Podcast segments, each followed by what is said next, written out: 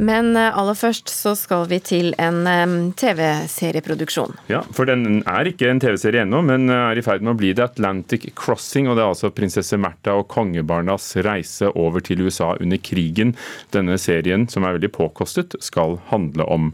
Og nå har Norsk Filmforbund anmeldt eh, dette til Arbeidstilsynet, altså produksjonen. og Dette skjer etter mange henvendelser fra personer om arbeidsforhold ved innspillingen. Serien har bl.a. fått over 27 millioner kroner fra Norsk Filminstitutt og 70 millioner kroner fra NRK. Kjente skuespillere, et hundretall statister og et stort produksjonsapparat var til stede da et historisk øyeblikk ble gjenskapt på Honnørbrygga i Oslo i fjor. Øyeblikket da kong Haakon, kronprins Olav, kronprinsesse Märtha og barna deres ble gjenforent den 7. juni i 1945, etter fem år med krig i landet. En av mange historiske scener som er gjenskapt i den påkostede TV-serien Atlantic Crossing, som handler om kronprinsesse Märthas flukt til USA under andre verdenskrig.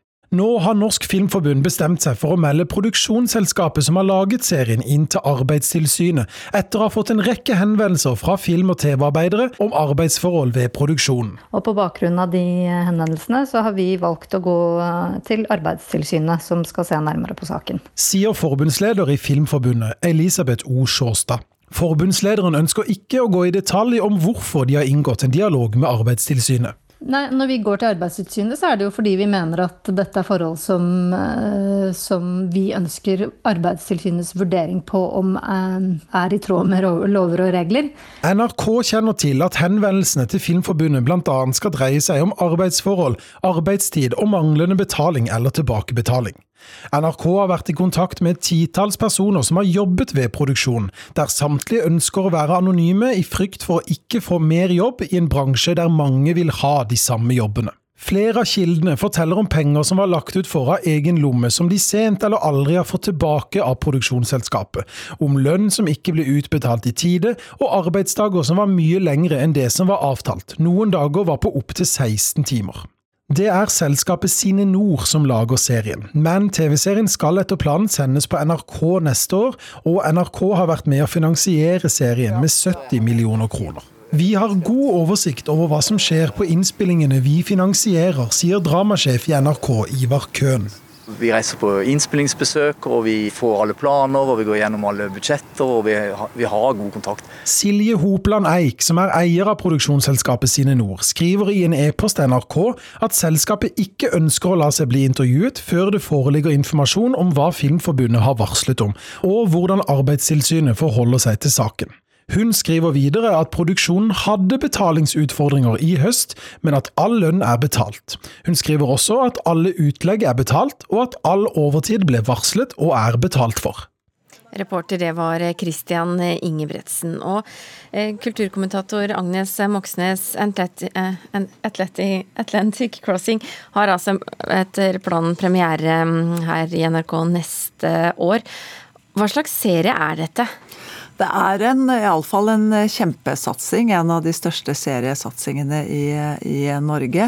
Eh, går inn i liksom filmhistoriens kongerekker, bare at her handler det ikke om en konge, men om en eh, prinsesse, eh, Märtha. Mens mannen hennes og svigerfar Håkon den 7. er i London, så er Märtha i Washington sammen med barna sine under krigen. Og hun bruker posisjonen sin til å komme i et, et veldig tett og nært forhold til president eh, Roosevelt. Eh, og hun fremmer Norges sak i, i den posisjonen og den rollen hun er i. Og, så det er også en uh, sterk kvinneskildring fra, fra, krigen. Og i tillegg da en, en historie om et tett og fortrolig forhold mellom en prinsesse og en, en president. Så det er store forventninger til denne serien her. Men så er det sånn da altså at Norsk Filmforbund vil melde da produksjonsselskapet inn til Arbeidstilsynet. Hva kan det bety? Ehm, den skal jo ha premiere nå i begynnelsen av januar, så den er liksom ikke så sterkt påvirket av koronakrisen som man kunne frykte. De er i etterarbeidet. Ehm, men dette handler jo da Så serien som sådan tror jeg ikke kommer til å bli påvirket av det som skjer nå. Men eh, det handler jo om et eh, produksjonsselskap, altså Cine Nord, som får store offentlige midler eh, i et land med veldig klare arbeids, en veldig klar arbeidsmiljø arbeidsmiljølov. Og det er jo også et selskap som allerede har et litt betent rykte i, i bransjen. Og nå er det jo Arbeidstilsynet som skal vurdere om det er, ligger noe mer i disse klagene som er kommet til for, Filmforbundet. Men uansett så er det jo ingen ønskesituasjon verken for Syne Nord, for Filminstituttet eller for NRK at eh, en sånn sak som dette her kommer opp. Når du snakker om betent, hva mener du da? Eh, da tenker jeg bl.a. på at eh, det er eh, at det er kommet flere, som vi hørte i denne reportasjen her også, at, at det er et selskap som har produsert flere altså Det er et selskap som har satset på barne- og familiefilmer, pluss disse store filmseriene, eller TV-seriene som dette her. Gråtass er en av disse seriene som gikk veldig, veldig dårlig. Eh, så var det Wisting, eh, TV-serien som TV 2 hadde premiere på vel i fjor. Eh, som det var lignende oppslag om. At det var mye uro på, på settet. Og, og, men endte da ikke opp som noen sak. Bransjen endra seg noe etter Arbeidstilsynets slående rapport i 2012 om innspillingen av Lillehammer. Hva kom fram der? Ja, det var første gang Arbeidstilsynet gikk inn og sjekket en filminnspilling. Det er jo et spesielt måte å jobbe sammen på. fordi at Hvis det kommer regn, så må man strijobbe hvis man skal liksom, få gjort innspillingen mens sola skinner. Men eh, det, det, deres besøk på, på Lillehammer det endte med at produksjonsselskapet Rubicon fikk veldig skarp kritikk. Det ble påvist at det var eh, brudd på 13 13 punkter i arbeidsmiljøloven. Og det handlet om noe av det samme som vi hører her, altså arbeidstidsbestemmelser og overtidsbetaling. Eh, og det er en kritikk som filmbransjen da skal rette seg etter. Lillehammer var jo også en eh, NRK-serie, eh, selv om den ble produsert av Rubicon. Men hva kan det bety for NRK hvis Arbeidstilsynet igjen konkluderer med at produksjonen de skal sende ikke er gjennomført i henhold til arbeidsmiljøloven? Ja, Det sier seg jo nesten selv at når NRK går inn med 70 millioner kroner og skal vise denne serien, så er de også nødt til å gå god for produksjon. Takk skal du ha, kulturkommentator Agnes Moxnes. Det har vært eh, planlagt som en stor kinopremiere på de største lerretene over hele verden, og så ble ikke det noe av. Men det ble til en strømmesuksess for små troll. Eh, musikkspillene Lykketroll.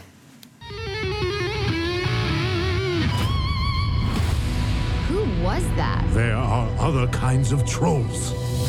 Our ancestors created six strings, each for a different type of music. Pop! Dette er fra traileren forsmaken til Trolls verdensturneen, som, som, filmen heter. Og den tjener gode penger for selskapet Universal. Eh, og hvordan gjør den det, kulturreporter Christian Arnesen Strømshoved? Ja, det stemmer. Altså, til tross for at eh, verdens nå er stengt som grunn av, pga. koronakrisen, så gjør denne stor suksess, skriver The Guardian. Og siden 2015 så har vi kunnet følge eventyrene til bl.a. Poppy, som er en av hovedkarakterene, eller disse små lykketrollene i filmen. Og dette er da den tredje i rekken, og her skal disse trollene kjemper kjempe mot den onde rockeverdenen. Så dette er en film med små troll og mye musikk. Og det som er spesielt her, er at pga. at eh, kinoene er stengt, så har denne videoen blitt gitt ut rett på strømmetjenestene. Og i løpet av de tre ukene den har vært der, så har den generert inntekter opp mot 100 millioner dollar, altså nærmere en milliard norske kroner. Eh, og det er like mye som forgjengeren genererte på fem måneder på amerikanske kinoer. Og den har da valgt en annen strategi enn andre storproduksjoner. Ja, vi har sett at eh, strømmetjenesten Netflix for eksempel, har gitt ut sine egenproduserte filmer rett på nett og unngått eh, kinoene. Men for de store studiene som Universal er, eh, så er det vanlig at disse går, filmene går rett ut på kino først, før de når publikum hjemme i, i sofaen. Og Mange av de filmene nå er jo blitt utsatt, som f.eks. James Bond skulle hatt premiere i april, men pga. koronakrisen så er premieren utsatt til november. Men dette kan altså få konsekvenser, for nå sier en av verdens største kinokjeder, AMC, at de vil boikotte alle filmer fra Universal, deriblant James Bond-premieren som skal komme til høsten etter planen, eh, ifølge nyhetsbyrået Associated Press. Eh, hvordan har, eh, da, ja, Hva blir konsekvensene? Nei, det er jo som du sier, altså Universal har jo hatt noe stor suksess med denne strategien om å gå rett til strømmetjenestene.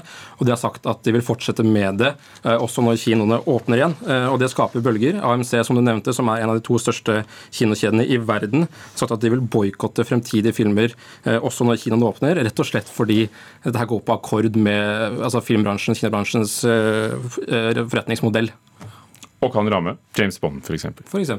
Takk skal du ha, Christian Arnesen Strømshovit. Skal holde oss litt i samme tema, for mens eh, teaterhus over hele verden holder stengt, så legger jo eh, flere og flere av dem ut digitale versjoner av tidligere verk på nettet. Mye av det er gratis, og mye av det ligger også ute ganske kort tid. Så hvor skal vi lete da for å finne de gode forestillingene? Karen Frøsland Nystøyl, eh, på nrk.no så har det de siste dagene ligget en artikkel med ulike digitale scenekunstanbefalinger eh, fra deg. Hvis du da skal nevne tre steder hvor vi kan finne teater, dans, musikaler, hvor bør vi lete? Ja, Som du sier, så er det veldig mye. Men hvis vi starter med dans, så tenker jeg vi må benytte anledninga til å komme oss ut i den vide verden. Og New York City Ballet, altså det USAs, et av USAs mest renommerte ballettkompani, de har starta en digital sesong som varer ut mai. Eh, de har sin egen kanal. Eh, på, det ligger på Facebook og på YouTube, men det ligger også på hjemmesida deres. Der de da to ganger i uka legger ut nye verk. Tirsdager og fredager. Og så ligger det bare fram til neste forestilling legges ut. Eh, det er veldig mye forskjellig som legges ut der. Lengre verk og kortere verk, eldre og nyere. Og grunnleggeren til dette ballettkompaniet var George Balanchine. Og Nasjonalballetten i Oslo har dansa veldig mange av hans verk. Så for en del av de som har brukt å se ballett eh, i Oslo, så vil det være kjente ting gjerne som kan ses der. Akkurat nå så viser de to korte balletter. De ligger til i kveld, og så kommer den nye i morgen. Så det gjelder liksom å være på og følge med. Men det er et veldig fint sted å se dans. Nordmenn har jo blitt et virkelig musikalelskende folkeslag. Mm. Hva med musikaler? Da går vi til kongen av musikaler. Snakker vi Andrew Lloyd Webber? Vi snakker ja. selvfølgelig Andrew Lloyd Webber. Han har rett og slett starta sin egen YouTube-kanal som heter The Shows Must Go On. Og hver fredag kveld så legger han ut en eh, filmatisert versjon av en av sine musikaler. Det ligger der i 48 timer, og så er det borte. Eh, hva som vises nå til helga, det vet ikke vi ennå, men jeg vet jo at han har vist Jesus Christ Superstar, han har vist Phantom of the Opera den hadde vel 11 millioner visninger, tror jeg, på de 48 timene. Han har vist oppfølgeren til Phantom of the Opera, Love Never Dies. Så spørsmålet er er det Cats som kommer nå til helga? Den mangler nemlig, og den skal komme. Eh, så følg med der òg. 48 timer, gratis musikal. Det er mye moro hvis man bare er på. Jeg merker at eh, sangene allerede begynner å gå i hodet. Ja. Men du, hvis vi holder oss utenlands, eh, hvor bør vi lete etter teater? Og der er jo veldig mange som legger ut. Men jeg har en følelse av at Shakespeare liksom alltid står som den evige bauta. Der finner man alltid noe man kan se. Og på The Globe eh, i London så legger de De har en egen kanal, de òg, der det meste må betales for, men annenhver uke legger de ut en gratis teaterforestilling. Romeo og Julie lå til og med i går. I kveld så durer de i gang The Two Noble Kinsmen, som jo er et av de siste verkene Shakespeare skrev hvis det var han som skrev det, og det har jeg vel knapt sett oppført i Norge, tror jeg. Eh, og det er jo spilt så tett på, den, eh, på Shakespeare sin oppføringstradisjon som det nesten går an å komme i vår tid. Og Det er en helt spesiell og artig teateropplevelse, så der kan man finne noe man sjelden får anledning til å se.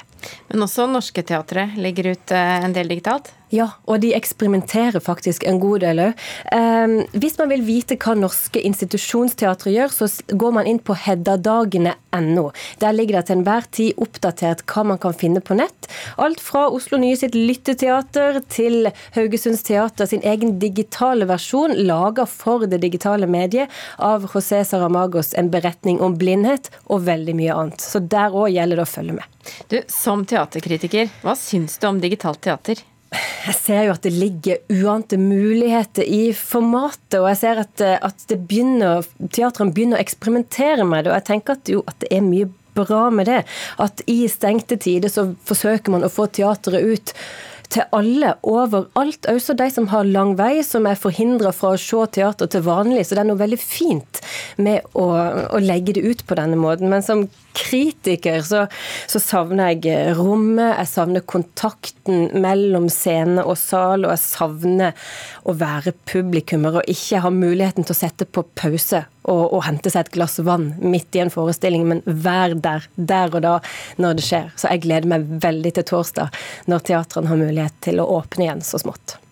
Da finner vi nok Karen Frøsland Nystøyl i en eh, teatersal. Takk for at du kom eh, hit. Og så kan du altså lese mer og finne flere tips på nrk.no kultur. Scenekunst av høy kvalitet finner du tips om der.